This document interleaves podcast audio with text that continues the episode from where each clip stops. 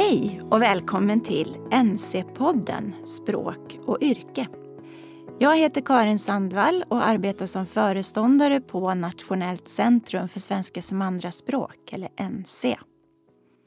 Den här podden den handlar om elever som går en integrerad SFI och undersköterskeutbildning. Och den handlar också om de SFI och yrkeslärare som jobbar där. Podden görs av två medarbetare på NC. De heter Lisa Ganno och Malin Dahlström och de jobbar deltid i utbildningen. Podden den handlar om NCs arbete att testa ett arbetssätt eller en modell som vi har jobbat med och utvecklat under en tid. Och nu är det dags att testa modellen i skarpt läge i undervisning, i metodrummet och praktikplatserna. Så följ med oss! Lyssna på hur vi tänker, hur lärare och elever tänker och vad som händer i det här spännande utvecklingsarbetet. Välkommen till NC-podden Språk och yrke.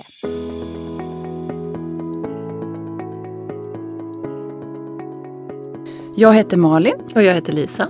Vi har fått ett uppdrag som är väldigt spännande. Vi ska under hösten undervisa på undersköterskeutbildning för SFI-elever på Studieväg 2. Vi ska samarbeta med en vårdlärare och en SFI-lärare och vi ska testa en modell för integrering av yrkesutbildning på gymnasienivå och SFI. Precis, och det här är ju eh, ett jättespännande projekt för vi gör nu det många andra gör på, på många olika håll. Alltså prövar hur man kan förenkla och underlätta för elever som har den jättetuffa uppgiften att lära sig ett yrke på ett språk som de är nybörjare i kan man säga. Mm, precis. Och vi har arbetat de senaste tre åren med att tänka fram och testa fram en modell för integrering av yrkesutbildning och SFI. Och nu ska vi ut och testa den i skarpt läge. Precis, och vi har ju skrivit en rapport och eh, har lite filmer och bilder som ligger på vår webb. Ja, så vi börjar inte riktigt från början utan vi har ju några hypoteser som vi har ställt upp. Ja.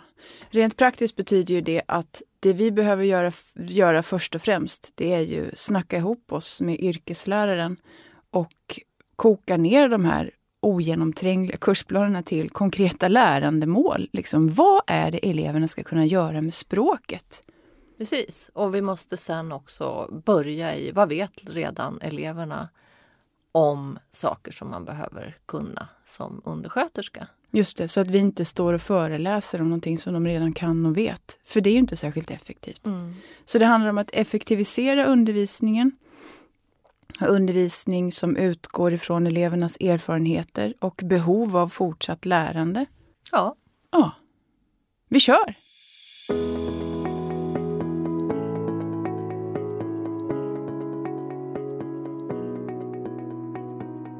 Lyssnarna kanske vill veta varför, vad är det som skiljer den här modellen från uh, anna, andra projekt som finns i Sverige just nu. Det finns ju massor med projekt där man säger att man kombinerar språk och yrke för att få folk i jobb snabbt. Visst, alla vill korta vägen och hitta det vinnande konceptet det finns eh, många kombinerade utbildningsvägar för SFI-eleverna. Men ofta så läser de yrkesutbildningen på en plats och SFI-utbildningen på en annan plats med olika lärare som inte sinsemellan kommunicerar med varandra.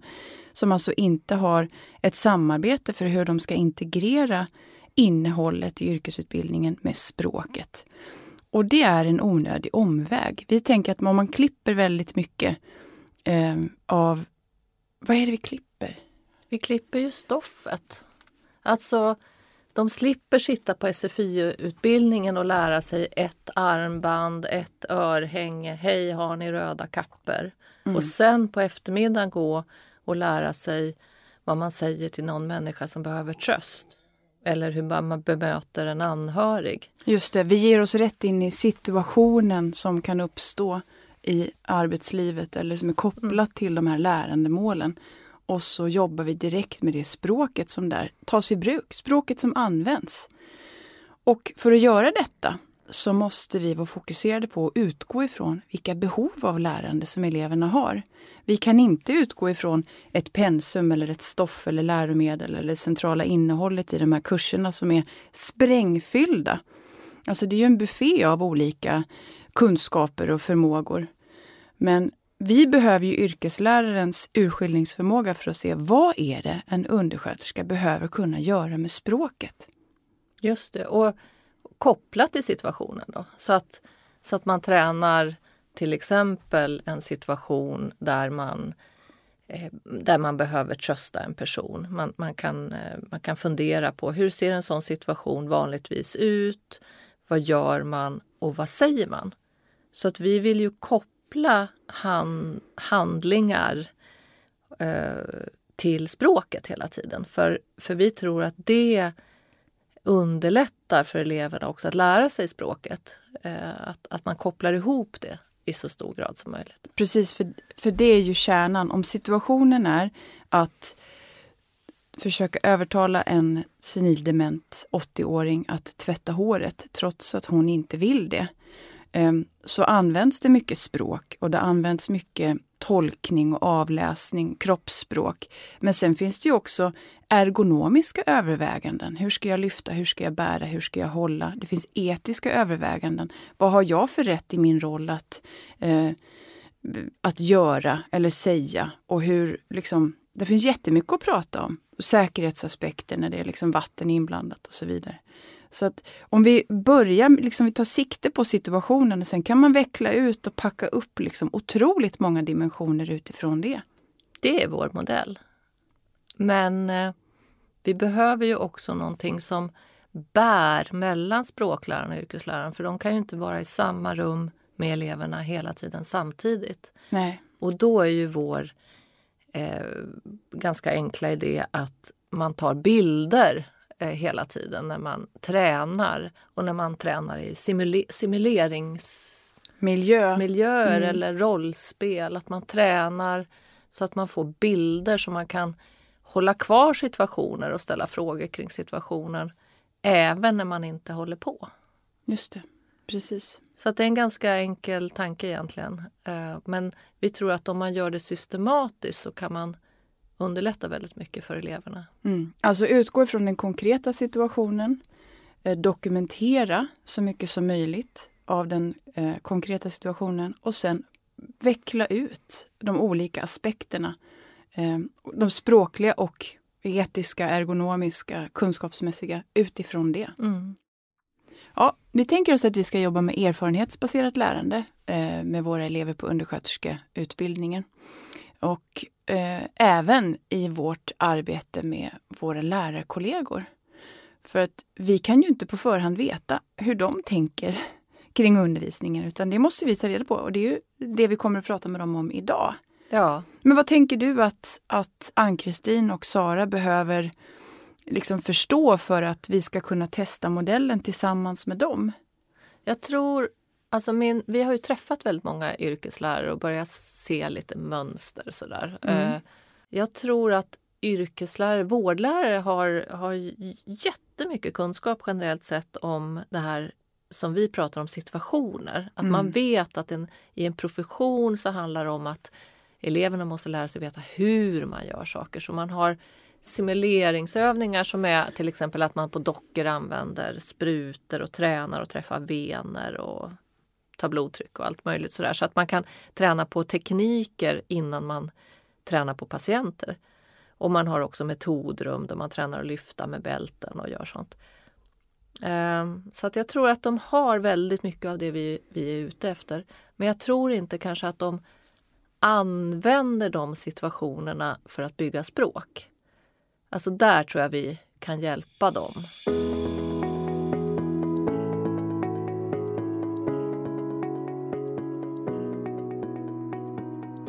Idag ska du och jag bege oss till eh, skolan där vi ska undervisa eh, varje fredag under hösten för att pröva den här modellen som vi har jobbat på att utveckla. Det är alltså vuxna elever eh, på studieväg 2, SFI, som ska läsa vård och omsorgsutbildning för att bli undersköterskor. Mm. Och de ska läsa två kurser som de läser parallellt för att det inte ska bli så många examinationer. De läser alltså medicin 1 och vård och omsorg 1.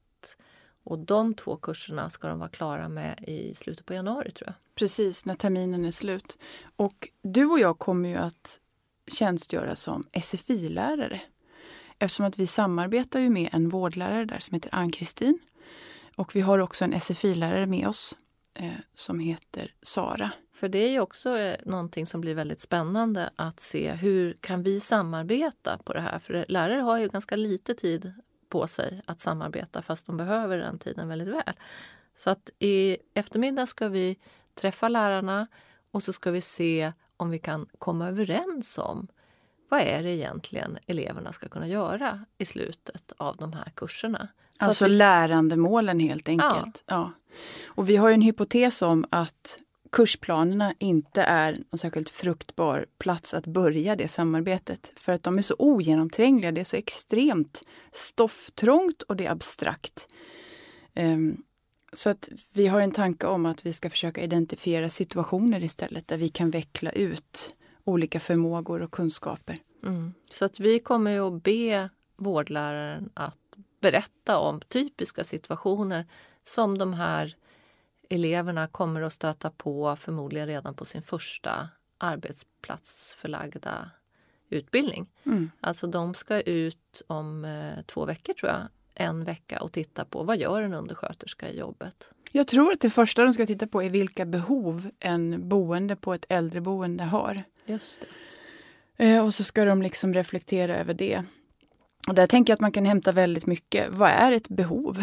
Ja. alltså eh, hos en människa. Vad behöver vi? Vad är hälsa? Vad är avsaknad av hälsa? Hur ska man, det finns ju jättemycket att prata om, ja. tänker jag. Och det bästa av allt är att det här är ju vuxna elever som redan har en massa erfarenheter och kunskaper av att vårda andra eller som har eh, en egen liksom, livsvärld att ösa ur. Mm. Och då tänker jag att om vi ska försöka göra en så effektiv eh, utbildning som möjligt för dem, då måste vi först ta reda på vad de redan kan och vet, mm. så att mm. vi inte står och berättar för dem om saker som de redan har med sig. Vad är det som krävs för att vi ska få reda på om den här modellen fungerar?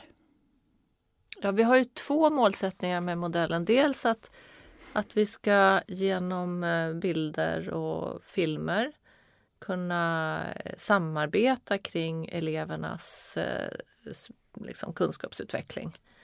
Så dels måste det ju funka rent tekniskt. Det här alltså med... det här med att fånga situationer, dokumentera dem för att sen kunna jobba vidare med situationen i språkrummet eller vad man ska säga. Mm. Mm. Vår modell bygger ju på att man egentligen förlänger eh, situationer eller erfarenheter som man tränar på i rollspel eller i metodrum eller simulering. Så att man eh, successivt kan bygga ut mer och mer frågor kring situationen. Man kanske först tränar på att benämna saker mm. utifrån fotografier som man har tagit i ett metodrum. Och sen när det sitter, eller för vissa kanske redan sitter, då bygger man ut och så, här, varför gör man så här? Mm. Vad är det viktigt att tänka på när man gör det här? Mm. Och vilka frågor har eleverna? Och vad får man inte göra? Och hela tiden bygga in elevernas frågor på det de har gjort så att de kan ställa sina frågor till vårdlärarna och språklärarna. Vad säger man? Vad gör man? Ehm. Men det handlar alltså om att man börjar i görandet, det konkreta görandet, dokumenterar det för att sen utforska språket som tas i bruk i görandet eller runt görandet och stretcha det språket för att bygga ut det. Men vad är motorn? Vad är det liksom som driver det här arbetet framåt? Det är ju elevernas vilja att lära, elevernas frågor och eh, lärarnas eh, hur de möter det och bygger vidare på vad eleverna förstår och inte förstår. Så att eh, vad är utmaningen? Ja, utmaningen måste ju vara för oss att få vårdläraren att tycka att det här går tillräckligt fort. För det kommer att vara väldigt mycket centrerat kring elevernas språkande, görande och handlingar och förståelse. Och det gör ju också att lärarna får syn på vad eleverna inte förstår. Mm. Och det tror jag kan stressa läraren. Då kan det hända så att läraren börjar istället ta fram en powerpoint och tänker att nu ska jag gå igenom det här lite fort för det går, går för långsamt. Just det, nu ska jag berätta allt jag vet om demenssjukdomar. Ja, och så sen så check på den. Nu har jag tagit demenssjukdomar, nu går vi vidare för det här är för omständligt. Mm. Det tror jag kan vara en stress apropå trängd av kursplanen. Men jag tror att det finns inte en enda lärare inom hela vuxenutbildningen som inte känner sig stressad. Alltså hur ska man hinna med allt? Mm. Jag tänker att det är verkligen någonting som präglar hela det systemet. Um, så att det känner jag mig lite orolig för, Mm. hur det här kommer att... Mm. Men jag tänker att ett sätt att mota det, eh, att hålla det ifrån oss, det är ju att eh, lägga mycket tid på att hitta en samstämmighet med vårdläraren om vad är det eleverna ska kunna visa att de kan göra i slutet av det här momentet. Att verkligen liksom definiera lärandemålen och ha det klart för oss. Mm. Och sen jobbar vi ditåt. Mm. Och då börjar vi det konkreta. Ja, men det är väl det som kan vara... Och jag tror också kanske att vi, vi som jobbar på universitetet, vi har nog kanske en lite friare syn på kursplanen. Att vi, vi är mera...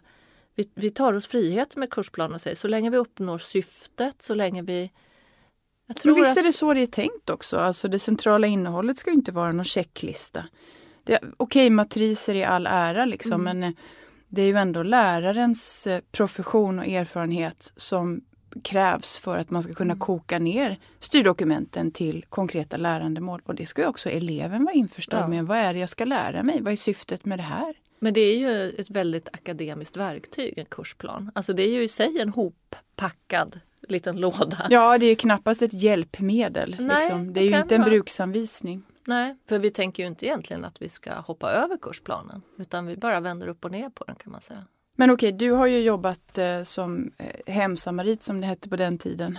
Du har ju lite tidigare erfarenhet av vård. Jag har ingen erfarenhet av vårdarbete.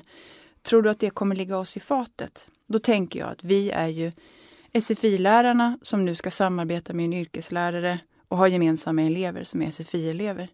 Behöver inte du och jag plugga jättemycket om liksom amygdalaplack och anatomi och allt det där som vi inte kan? Jo, och, och jag, det, vi kommer ju behöva vara in, väldigt intresserade av det här. Men jag tror också att vi kan använda vår okunskap för att vi kommer att kunna se utifrån elevhåll vad som är svårt att förstå. Så att vi kommer att kunna hjälpa eleverna, tror jag, i viss mån att säga stopp, stopp, det här tror inte jag att eleverna förstår riktigt. För att vi vet inte riktigt. Alltså vi, vi kanske kan vara lite en, en, en resurs där. Och sen tänker jag att hela det här arbetet går ut på att pröva om det, om det funkar. Mm. Eh, så att, så att jag, jag hoppas att, och, och tror att vi kommer att, möta vissa samarbetssvårigheter med vårdläraren. För att då får vi ju ta oss an, hur löser vi det här då? Det är det som det här ska visa.